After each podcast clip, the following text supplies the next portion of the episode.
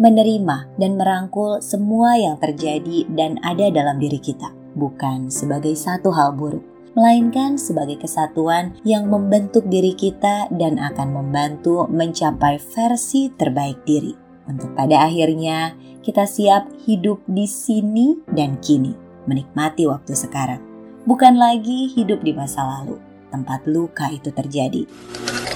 Semua Bisa Cantik Podcast. Setiap perempuan berhak dan layak disebut cantik tanpa terkecuali. Hai, berjumpa lagi dengan saya Ayu Sutomo, psikolog anak, remaja, dan keluarga. Luka batin dapat dialami siapa pun, baik secara disadari ataupun tidak. Bahkan luka batin yang sangat parah dapat dialami seseorang sejak ia masih berada di dalam kandungan. Masa remaja ataupun masa dewasa juga dapat menjadi akar dari luka batin. Salah satunya akibat mengalami body shaming. Trauma dengan peristiwa dan perkataan yang menyakitkan akan sangat membekas dan dapat menyebabkan kehilangan kepercayaan diri. Setiap manusia memiliki alam bawah sadar. Alam bawah sadar seperti sebuah komputer yang dapat merekam segala pengalaman dan peristiwa yang pernah dialami selama hidup di dunia ini baik peristiwa atau pengalaman yang menyenangkan maupun yang menyakitkan. Tentunya ada beberapa coping method sederhana yang bisa dilakukan bagi penyintas body atau beauty shaming untuk menyembuhkan luka batin mereka dan memulihkan kepercayaan diri. Proses self healing yang berperan utama pada diri sendiri sering kali menghasilkan hasil yang beragam dan berbeda-beda. Lalu sebetulnya apa yang dapat kita lakukan untuk mengatasi rasa menyalahkan diri sendiri dan luka batin yang dirasakan?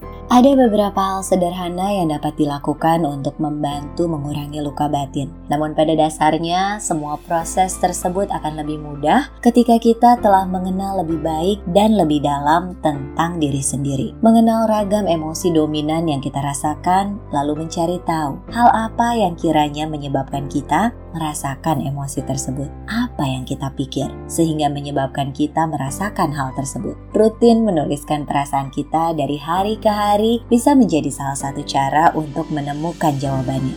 Journaling, istilah yang familiar saat ini. Memahami diri dengan baik akan memudahkan kita sampai pada tahap penerimaan diri, self-acceptance. Menerima dan merangkul semua yang terjadi dan ada dalam diri kita bukan sebagai satu hal buruk, melainkan sebagai kesatuan yang membentuk diri kita dan akan membantu mencapai versi terbaik diri. Untuk pada akhirnya kita siap hidup di sini dan kini, menikmati waktu sekarang. Bukan lagi hidup di masa lalu, tempat luka itu terjadi, karena segala yang terjadi di masa lalu telah termaafkan, dan masa datang Bukankah baik buruknya ditentukan oleh apa yang kita lakukan di saat ini?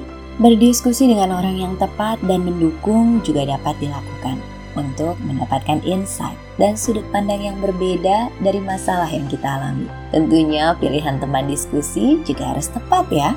Selain itu, memperkaya diri dengan beragam informasi bermanfaat tentang bagaimana merangkul luka dan meraih bahagia juga dapat menjadi alternatif pilihan sebagai bagian dari proses healing yang sedang dijalani.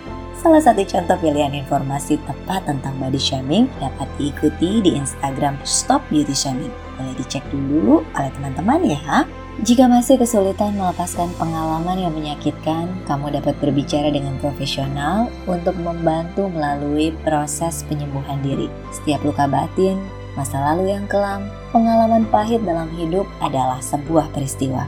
Dan setiap peristiwa yang kita lalui perlu disikapi dengan bijaksana akan selalu ada hal buruk di dunia. Maka maknailah semua luka itu sebagai bagian dari perjalanan hidup kita. Terima kasih sudah mendengarkan episode ini. Jangan lupa follow dan beri rating untuk podcast Semua Bisa Cantik di Spotify untuk mengetahui episode-episode terbaru yang tayang setiap hari Selasa dan Kamis. Saya Ayu Sutomo pamit. Jangan lupa mendengarkan episode podcast Semua Bisa Cantik selanjutnya.